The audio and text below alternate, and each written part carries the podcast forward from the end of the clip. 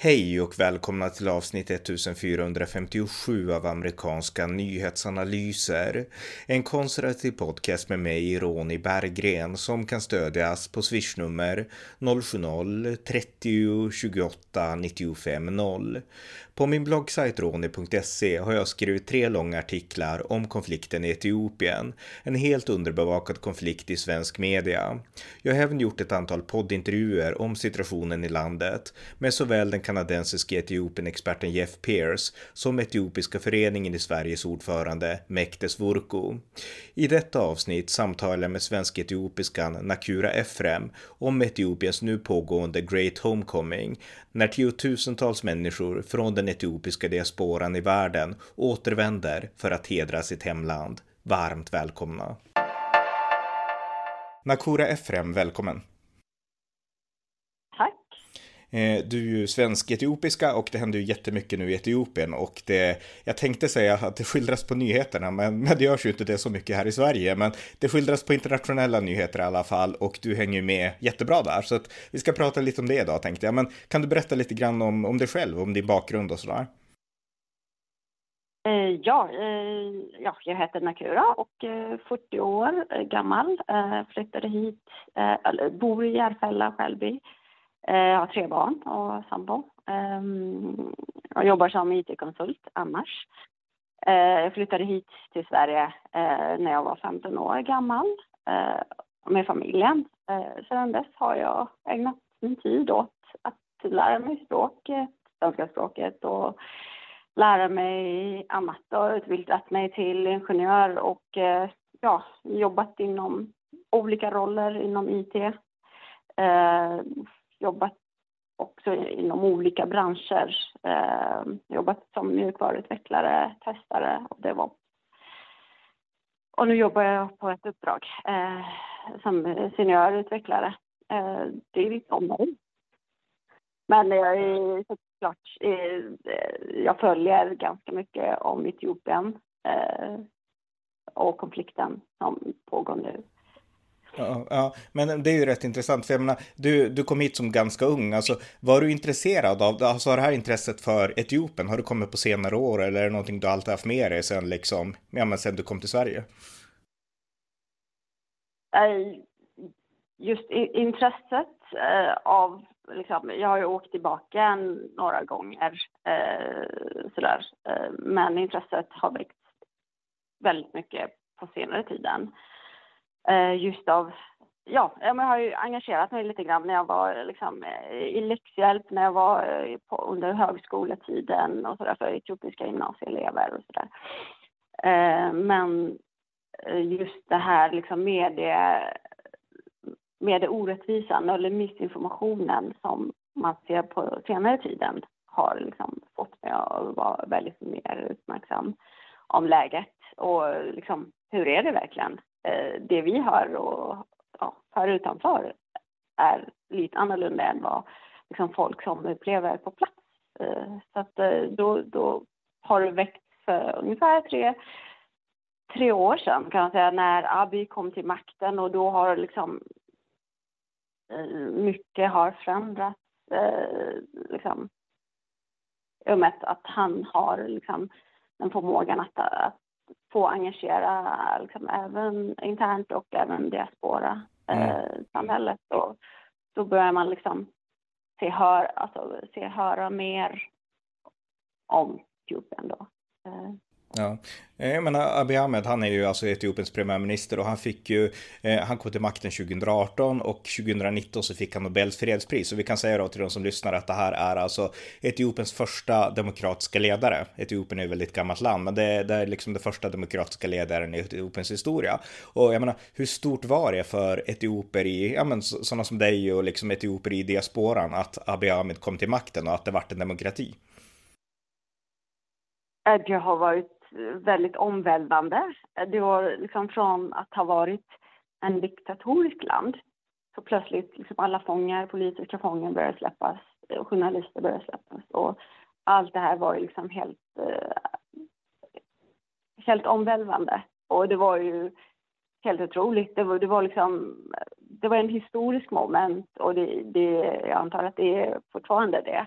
och att liksom, de framsteg han gjorde precis i början var ju liksom det, ja, det är ofattbart att, att man kunde åstadkomma på liksom, så många saker på ett kort tid.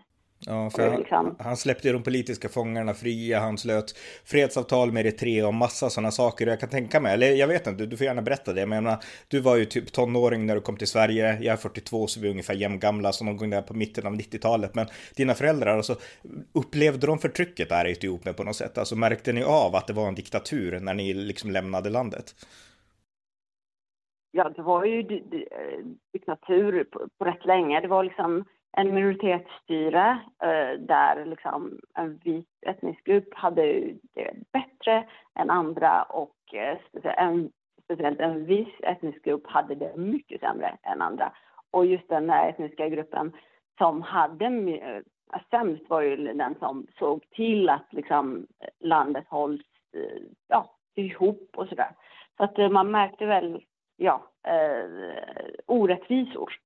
Mm. Väldigt mycket orättvisor. Och eh, folk drev, drevs ju liksom ut från landet. Eh, speciellt nor norra regionen där Amhara-regionen är eh, Welkait och de delarna var ju liksom, de, de hörde ju till Amhara och väldigt mycket etnisk rensning har ju varit. Man har, jag har inte liksom släktingar där på norra delen men mina liksom farförföräldrar har kommit därifrån och jag har ju liksom jag har ju både tigransk och amhara, dominerande amhara, men eh, släktingar där. Så, alltså inte släktingar på plats, men eh, därifrån. Mm. Eh, så eh, så det, det, är ju liksom, man hör att det är liksom folk blir drivna från, från området och sådär. Och det var ju en del av liksom, att skapa stora Tigray som då var en del av planen. Eh, så att eh, även liksom i städerna kan man ju se liksom skillnader och, på liksom folk och folk och sådär. Så att eh, det har varit väldigt eh, orättvisor och väldigt många som höjde rösten eh, fångades. Eh, så det, ja, folk tappade intresse efter en, liksom, för att hjälpa landet och även liksom, ja, eh, ja personligen tappade jag liksom ja, men intressen överhuvudtaget. Det är ju inget, det är liksom, då har man inte något att påverka och jag antar att väldigt många människor har känt sig, liksom, de har inte möjlighet att påverka i det här landet. Liksom. Så det är väldigt minoritetsstyrt var det och eh, folk blev ju tystnad, tystad. Mm. Eh, oftast i, ja, eh, man märkte inget och de försvann och sånt hörde man ju. Så att man var väldigt försiktigt att engagera sig i politiskt såklart. Ja, det förstår jag. Men, men du kände liksom, du var väldigt ung, men du kände att det finns liksom ingen framtid i det här landet under den här diktaturen? Ja, det var liksom såklart att man, man vill ut från landet och, och väldigt många unga kände, kände sig likadan då. Eh, och även när vi flyttar tillbaka så hör vi ju liksom, ja, men, det, är liksom nej, men det, det funkar inte. Och folk har inte. Speciellt, det är ju etnisk, eh, etnisk, etnisk baserat eh, uppdelning. Och hör du till en, en etnisk grupp och bor i en annan etnisk stad, då, då, har, du, då har du inte politisk rätt att bli vald, eh, politisk rätt att ja, engagera dig och påverka i, i de regionerna. Så att, eh, just det har gjort väldigt mycket påverkan. Att ja. man liksom kände att man inte riktigt har framtid i det landet. Nej, precis. Och vi kan ju säga då att den här gruppen då som har styrt, det var ju TPLF, en, ja idag är det en terroristorganisation, men det var ju ett politiskt parti då som styrde Etiopien i nästan 30 år och de hade utgångspunkten bland i Tigray då, den här regionen i norra Etiopien där det bor en minoritetsbefolkning som heter tigrayaner. Sen vet jag inte hur representativa de var för sin befolkning, inte så mycket tror jag, men det var i alla fall ett diktaturparti som härrörde från den regionen. Och det, det som hänt nu då, det är ju att det har blivit en, det senaste året egentligen, det började den 3 3 november 2020. Och eh, alltså efter att Etiopien vart en demokrati då, när Abiy Ahmed kom till makten, då började ju TPLF, det här diktaturpartiet, att protestera. De tyckte inte om att de vart liksom bortskjutna från makten och sådär. Och eh, sen har det pågått egentligen ett inbördeskrig mellan TPLF och regeringen. Och jag menar, du har ju följt det här, nyhetshändelserna från Sverige och så. Va, vad tänker du om liksom hur, hur det här har, liksom, hur den här konflikten har skildrats i svensk media? Väldigt mycket ensidigt skulle jag säga. Eh, väldigt mycket ensidigt. Eh, och då har man liksom... Eh, skildringen har ju varit liksom... Eh, man har ju inte tagit... Alltså när, när, rapport, rap, när det har rapporterats i, liksom, i debatt så har man valt att kanske inte bjuda in en etiopier eh, när, när det väl gäller. Eh, så kanske man har valt enbart människor från Tigray och det har varit en ensidig skildring då. Eh, och många gånger så har man undvikit att rapportera om det som har hänt i Amhara och oh, Tigray, alltså Amhara och Afar i grunden. Så väl, alltså man plockar, man, man cherrypickar liksom vad man vill rapportera och vad man inte vill rapportera. Och oftast har det varit till fördel av TPLF. Mm. Så, så har jag sett, liksom, ja, så har jag uppfattat uh, hur en svensk media rapporterar. Liksom. Men alltså hur, hur har ni som etioper i Sverige reagerat på det som när det har rapporterats? Och jag menar, har ni försökt liksom, för jag, jag, delar helt den analysen. Jag menar, de hade ju på SVT ett inslag på SVT Utrikesbyrån för någon vecka sedan tror jag nu, där man liksom skulle beskriva konflikten i Etiopien. Och det var, det var precis som du säger, det var ingen från liksom den tydliga etiopiska sidan där, utan det vart mer ett TPLF-perspektiv. Och TPLF är ju alltså en terroristorganisation som använder barnsoldater och som har begått massvis av övergrepp. Och det framkommer som sagt inte svensk media så bra. Men alltså hur, när, när ni märker att det är så, har ni liksom, ja, hur har ni reagerat då?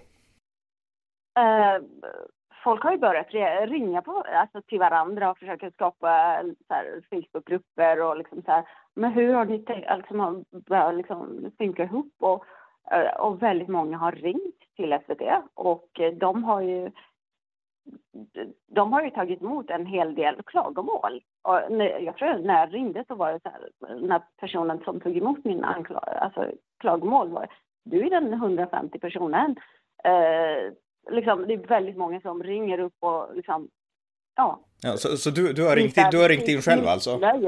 Okej. Okay. jag har ringt in själv och klagat över, liksom, mina, över varför har ni inte bjudit in en etiopier i Etiopiens konflikt liksom. Eh, och de har undvikit att berätta den största förödelsen som har hänt. Och det är ju liksom i Amhara och Afar-regionen av TPLF. Och det har, det har liksom undkommit eh, utan att nämna. Och det blir man ju väldigt förbannad på. Mm. Men vad, vad, säger, vad, säger, vad säger de då? Vilka svar får du från liksom SVT och SR och allt det här? Eh, jag har inte fått något skriftligt eh, svar, men eh, när liksom personen som tog emot eh, eh anmälan, så några har fått, verkar som, eh, väldigt likgiltig svar om Nej, men det är så vi har liksom eh, uppfattat det och eh, liksom vi har försökt bjuda in eh, lite olika folk, men, ja, men inget som, som erkänner att att så borde inte vi ha gjort, utan liksom eh, väldigt likgiltigt svar. Men jag har, jag har fortfarande inte fått något svar. Jag har skickat skriftligt eh, klagomål. Mm. Eh, och då, då jag kan jag ta tillfället akt och säga att jag har skrivit ett antal artiklar om konflikten i Etiopien. Jag vet att du har läst dem, så att jag försöker liksom fiska efter lite smicker här. Så vad tyckte du om dem? Jag vet svaret redan, men du får gärna berätta det i, i podden här jag, jag tycker du, du, har skrivit väldigt fakta och eh, du har skrivit, du har, du har försökt fånga in eh, liksom, frågeställningen och varför det har hänt. Och eh, artiklarna beskriver exakt vad, liksom, de är hel, helhetliga. Alltså de, de visar olika synvinkel på situationen och eh, de, jag tycker de är väldigt balanserade. Mm. Och, eh, och det är så det ska vara egentligen. Eh, man ska inte vinkla saker och ting till en sida. Och det, det jag har märkt av är liksom det man bjuder in som expert på medierna är ju liksom eh, TPLF-anhängare eller TPLF-lobbyister eh, som är väldigt kända eh, lobbyister som man, man känner till eh, och sådär. Så, eh, då, då kan man inte förvänta sig att man får en rättvis bild av läget. Nej, nej verkligen. För jag menar, det finns ju en, jag minns, de hade ju på SVT Utrikesbyrån då, den här norrmannen, Kjertil, jag vet inte vad han heter exakt, jag minns inte hans namn. Men, men en känd norrman som är liksom en känd TPLF-förespråkare, i princip, i praktiken är han ju det ja. i alla fall.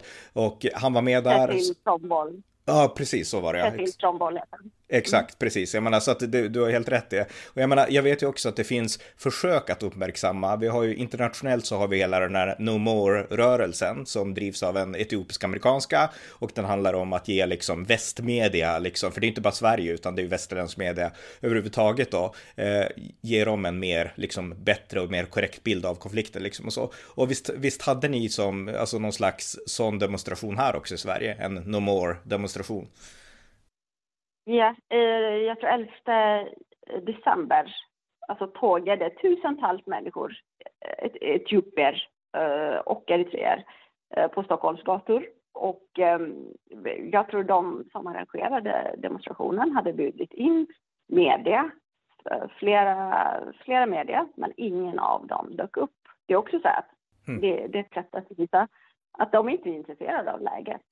Inte den liksom, vinkeln. Så Eh, det, det är väldigt många människor som har blivit förbannade över den allmänna liksom, mainstream media outleten, CNN, BBC och liksom allt som rapporteras om Etiopien är ned, eh, nedlåtande mot Abiy-regeringen. Mm. Och allmänt Etiopien. Ja, och det är ganska förvånande. För jag menar, dels okej okay då, om man, om man nu tycker att liksom man kanske är aktivistiskt åt ett håll, men hela NOMO-rörelsen, det är ju en nyhet oavsett vilken vilken sida de tar, därför att jag menar, det här är ju en rörelse som finns över stora delar av, ja, hela Europa, USA, alltså det finns på många håll i världen, så det borde ju vara av nyhetsvärde att en sån demonstration även hålls i Sverige. Och även om man inte tar ställning så borde man ändå kunna ha ett inslag om det på nyheterna, kan man tycka ja, när det är tusen, alltså tusentals människor som eh, har liksom erövrat Stockholms gator, då, då borde man få lite uppmärksamhet, tänker man. Ja. Eh, men jag tänkte så här då, alltså, eh, kriget nu, alltså vi pratar om ett krig, men i praktiken så är det ju slut, därför att det är så här att regeringen har vunnit. TPLF, de vart, eh, ja, om inte besegrade så vart de ändå tillbakapressade till Tigray, till sin region. Och det skedde ju mångt och mycket tack vare att Abiy Ahmed, premiärministern, vägrade kompromissa, utan han sa att vi, vi ska liksom, ja, vi ska vinna ungefär. Och min uppfattning, jag är ju inte etiopier, men min uppfattning är att alla etiopier i Etiopien, de flesta i alla fall, och definitivt alla i diasporan diasporan som inte är tigreaner, de verkar älska honom. De verkar älska Abiy Ahmed. Eh, är det så? Uh, många, eh, majoriteten av eh, befolkningen gillar honom och sen, sen, tror jag att man har liksom frågeställningar kring vissa av hans decisions, så att säga, beslut eh, i olika sammanhang. Eh, det är också så här, eh, men väldigt många, han har ju väldigt, eh, i, i, min tro så har han goda intentioner och väldigt stora ambitioner av hur, liksom vad han vill ha landet. Och jag tror just det, den intentionen är många eh, gillar. Eh, och till exempel han har ju det här med Green legacy eh, kampanj som han har haft liksom, i tredje, tredje år i radet nu. Så här, att, att han har odlat liksom, biljoner av träd i området, liksom i Etiopien. Och det, det, det har han, liksom, han har ju lätt att få att motivera folk och han, är, han har ju och det har ju hjälpt till med liksom hans goda intentioner och liksom få civila samhället att liksom förena landet. Eh, det, det har ju liksom fått väldigt mycket ja, eh, positiva feedback för honom och sådär. Men samtidigt så, så han, han har ju varit eh, vad ska man säga, han har ju varit eh, lite tålmodig kring eh, liksom, TPLF och OLA som är Roma Liberation Armies. Så han har ju liksom tolererat dem för mycket så att folk har blivit, det finns ju folk som är missnöjda med hur han hanterat eh, liksom, situationen. Han har, jag, jag, jag misstänker att han har liksom, han är mer, eh, ja men med tiden så kommer de bli liksom, ja bättre. Men samtidigt så har det visat sig att de har kommit lite starkare och aggressivare. Så att just de sakerna har ju folk lite bekymmer om kring Abiy. Men annars så, så tror jag liksom folk har, eh, liksom hela Etiopien är med honom mot, liksom, mot TPLF och liksom de resterande terrorister. Mm. Uh, och jag hoppas att han kan stå mot liksom, väst, eh, västländernas eh, tryck kring ja, eh, ja, kring eh, hur man vill hantera ja, TPLF då. Ja, exakt. För jag menar, det är intressant att, eh, det är intressant att säga så, att många är missnöjda med att han är för mjuk, därför att västkritik, det är den motsatta, att han, du är för hård, du ska liksom kompromissa med TPLF. Mm. Och från Etiopien och Etiopiers håll, då är det mer liksom, du måste vara ännu hårdare. Så att han har ju en ganska svår situation där i mitten, kan man, kan man ana. Det, det, det tror jag. Eh, och eh, ja, senast igår så släppte han ju ja, politiska fångar där bland annat TPLFs grundare är med. Folk är ju helt förbannade. Och jag antar att det finns väldigt mycket tryck kring att han ska släppa ja, de här medlemmarna då. Så, så det blir liksom, ja, han, han är klämd emellan. Så har jag förstått läget.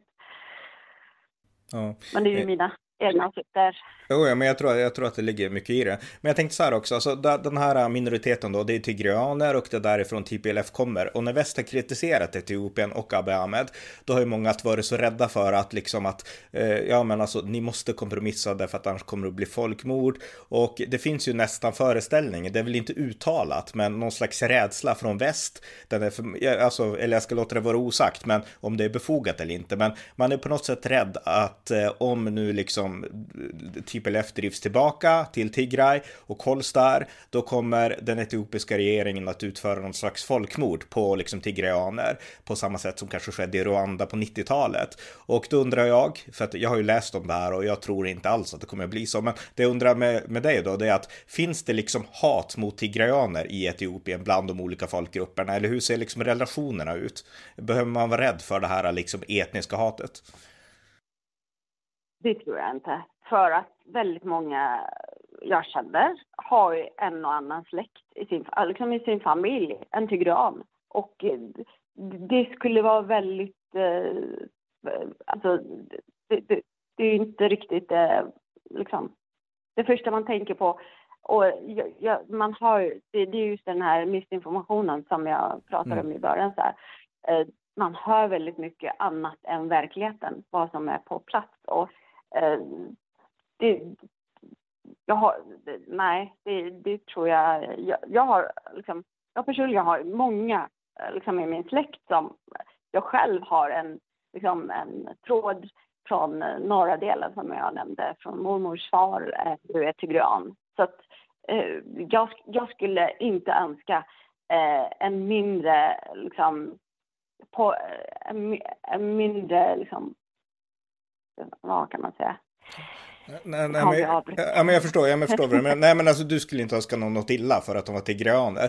Och du menar också ja, att... det är väldigt många etiopier som inte vill tigreaner far illa. Nej, nej precis. Eh, och de vill gärna att alla har möjlighet, alla etniciteter bör ha alla möjliga, lika möjligheter. Inte mer och inte mindre. Nej, men det är, jätte, det, det, det Ja, men det är det som är så intressant att höra, därför att när man kollar på svensk media, som det här SVT-programmet vi pratar om, då fanns det, det hängde nästan i luften, liksom det här, ja men, liksom, tänk om ni gör något hemskt, alltså, liksom skuldbördan lades på Etiopiens regering och på vanliga etioper, och liksom man liksom, det fanns nästan att man förväntade sig att ni, ni ska göra något hemskt ungefär, och det är det som jag ville liksom, ja, genom att prata med dig, liksom få svar på att nej, men det är inte så etioper tänker.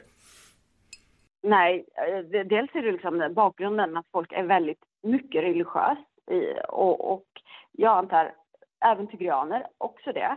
Men samtidigt som de här specifika TPLF-grupperna, de, har, de bryr sig inte. De, folk är ju rädda mer tvärtom. Folk är rädda om TPLF ska angripa Amhara, för, för det har varit de här drivpunkterna. Och det har ju varit ett, väldigt många massaker just av, alltså mot Amhara-folket. Och det har liksom flertals gånger har varit TPLF som har varit eh, liksom, i bakgrunden i de här eh, massakerna. Så att folk är rädda om Abis svaghet eller Abis liksom, tolerans mot TPLF kan leda till Amhara genocide mm. eller armsplittring. Det, det är där man är rädd för oftast. Så ska man vara rädd för liksom någon slags etnisk rensning, då är det TPLF man ska vara rädda för, för det är de som driver sån politik? Ja. Mm. För, för det har visat väldigt många gånger och liksom, jag kan, jag kan nämna väl, alltså jag kan nämna minst tio stycken eh, massaker som antingen TPLF eller OLA som har varit liksom bakgrunden och drivit de här massakerna mot Amhara-folket. Så det är liksom, är man rädd så är det liksom TPLF som man bör vara rädd för. Mm. Men, men jag tänkte också så här, om vi, alltså nu är det ju så här att USA, de gjorde ju, alltså de har gjort så mycket i den här konflikten, men liksom en sak som, som verkligen var stor, det var ju att USA gjorde en parallell, eller vi kan backa lite grann, det var ju så här att USA, de lämnade ju Afghanistan eh, nu i typ augusti i år och det vart en jättestor luftbro där man evakuerade tiotusentals, eh, både amerikaner, afghaner och alla möjliga och eh, Afghanistan kollapsade totalt och Kabul vart övertaget av talibanterroristerna. Och inför liksom att den här konflikten pågick i Etiopien, då gjorde Joe Biden, USAs president, en parallell som jag tycker var helt absurd, men han gjorde i alla fall en parallell mellan Addis Ababa, som är huvudstaden i Etiopien, och Kabul i Afghanistan och sa att vi kommer inte bygga någon luftbro till Addis Ababa, utan ni måste liksom lämna och lämna snabbt därför att vad som helst kan hända ungefär. Alltså han, han utmålade verkligen ett katastrofscenario och alla jag pratar med, de har sagt att det är helt lugnt i Addis Ababa och eh, jag antar att du kan bekräfta det också. Ja, väldigt. Eh, alltså efter den här händelsen så har ju liksom eh, Abiy kommit in i kriget och eh, eh, puttat tillbaka liksom, terroristerna in till sin eh, hemmaplan så att säga. Eh, så just nu är det liksom kriget ja, i, liksom, i Tigray. De är tillbaka och eh, Abiy har stannat av vid gränsen till Tigray. Och eh, väldigt många, han har ju liksom utlyst en slags homecoming eh, till alla etiopier, diasporas, och folk liksom reser dit eh, och tar med sig liksom, eh, insamlade pengar, mediciner och liksom en väska. Eh, det finns en uh, challenge som kallas för One, one Bag Challenge och det är ju eh, att man tar med sig, liksom, det kan vara kläder och vad som helst men det ska skänkas till de drabbade i, liksom, alltså, under kriget. Så nästan alla mina kompisar har åkt nu och några åker nästa vecka. Och liksom, trots att det, det står avrådan i, liksom, i svensk UD så, så har folk vägrat att lyssna på det. Och sanningen är att det är ganska lugnt just nu. Och i majoriteten av området. Det är liksom kriget är nästan över eh, och eh, då, då finns ju ingenting att oroa sig över att, att, att det blir någon stor kaos, kaos utav det. Nej, precis. Men för att knyta samman, för det här måste jag verkligen betona, jag ska ställa några frågor till om det. det är alltså, eh, för det är liksom, det är, så, det, det är sån kontrast. Det, man, USA säger att det här är, de jämför med Kabul i Afghanistan, där det var kaos. Och Abiy Ahmeds budskap är att läget är helt lugnt, diasporan, ni kan komma hem, the great homecoming. Och det kommer tusentals människor, det är inte bara från Sverige, utan det är från hela Europa, det är från USA och det är från, ja du vet det här bättre än jag, men det är från stora delar av världen, alltså tusentals etioper som återvänder. Och de återvänder i trygghet och de välkomnar samlas på flygplatsen och det är liksom, ja, det verkar vara en fest i mångt och mycket för att de här nu kommer hem till Etiopien. Så jag menar, kontrasten, den är ju jätteslående och samtidigt så har, som du var inne på, svenska utrikesdepartementet, de avråder från att resa till Etiopien. Så jag menar, den kontrasten, verkligheten mot liksom vad våra politiska makthavare ger för bild, den är ju jättestor.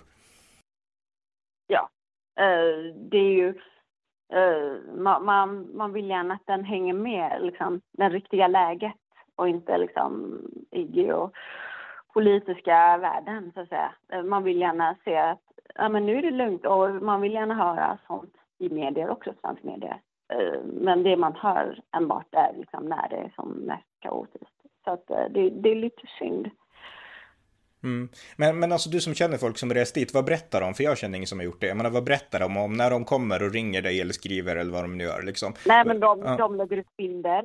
De lägger ut uh, när de reser, olika delar. Uh, och uh, jag, ser, jag ser inte någon, någon oro ens liksom, de bilder jag, jag tar emot. Och själva har ju känt sig liksom, trygg i, i liksom, när de reser. För, för, för man har ju hört liksom, det hemska och man vet, man har ju en och annan släkting där så att man vet hur läget är. Så att det är ju liksom, man får en bekräftelse över ja, att det är lugnt och det är, den bilden man målar, alltså som målas i väst, alltså i väst är ju helt annan bild än vad, vad verkligheten visar. Mm, jo, precis. Och jag menar, om vi, alltså, en sak till om Addis Ababa, jag har aldrig varit där, men alltså är det en trygg stad? Jag menar om man skulle jämföra med Stockholm eller vilken stad som helst, alltså är det tryggt att vara som turist till exempel i Addis eh, exempelvis? Ja, det är, det är tryggt och ja, det var tre år sedan jag reste dit. Och just nu så är det ingen som klagar över någonting alls. Eh, man brukar få liksom någon annan liksom meddelande om, om det skulle vara så. Eh, men alla känner sig trygga och verkligen glada över att de har rest dit och eh, det är liksom man blir lite avundsjuk att man inte kunde resa just nu, men eh, det kommer jag göra nu på sommaren så att jag hoppas ja, men det fortsätter lugnet och jag är inte orolig över att det blir lugnt, fortsatt lugn. Nej, Nej just det. Eh, sista fråga då, så jag tänkte så här, nu har vi pratat lite grann om situationen, hur den är och även Sveriges ganska, ja, okunniga inställning skulle jag säga. Alltså om du skulle vilja förändra några saker i Sveriges inställning till Etiopien, vad skulle det vara? Att det är liksom fred just nu och eh, såklart eh, det, de nyheterna man har eh, måste man liksom överväga att varifrån de kommer och även de här mainstream-medierna har varit och rapporterat väldigt mycket lögn och eh, missinformation. Så att man måste frågasätta vad, liksom, om det är sant eller inte. Eh, folk behöver inte vara skygga och, liksom, och fråga flera gånger och gärna höra sånt information från folk som är därifrån eller liksom eh, eller att, att man måste stämma av. Eh, liksom den bilden är inte alla gånger rättvis bild man får. Nej, lyssna lite bättre på, lyssna lite bättre på de som vet kanske liksom. Så att, eh, ja. Ja, men eh, vad intressant. Det var jätteintressant och det här var alla frågor jag hade så att jag vill säga tusen tack till dig Nakura för att du ville vara med och prata om det här. Tack, så, tack så mycket. Tack själv. Det var avsnitt 1457 av amerikanska nyhetsanalyser. En podcast om internationell politik ur det perspektiv som sällan ges i svensk media. Stöd gärna på swishnummer 070-30 28 95 0 eller via hemsidan på Paypal, Patreon eller bankkonto. Det var allt för idag. Tack för att ni har lyssnat.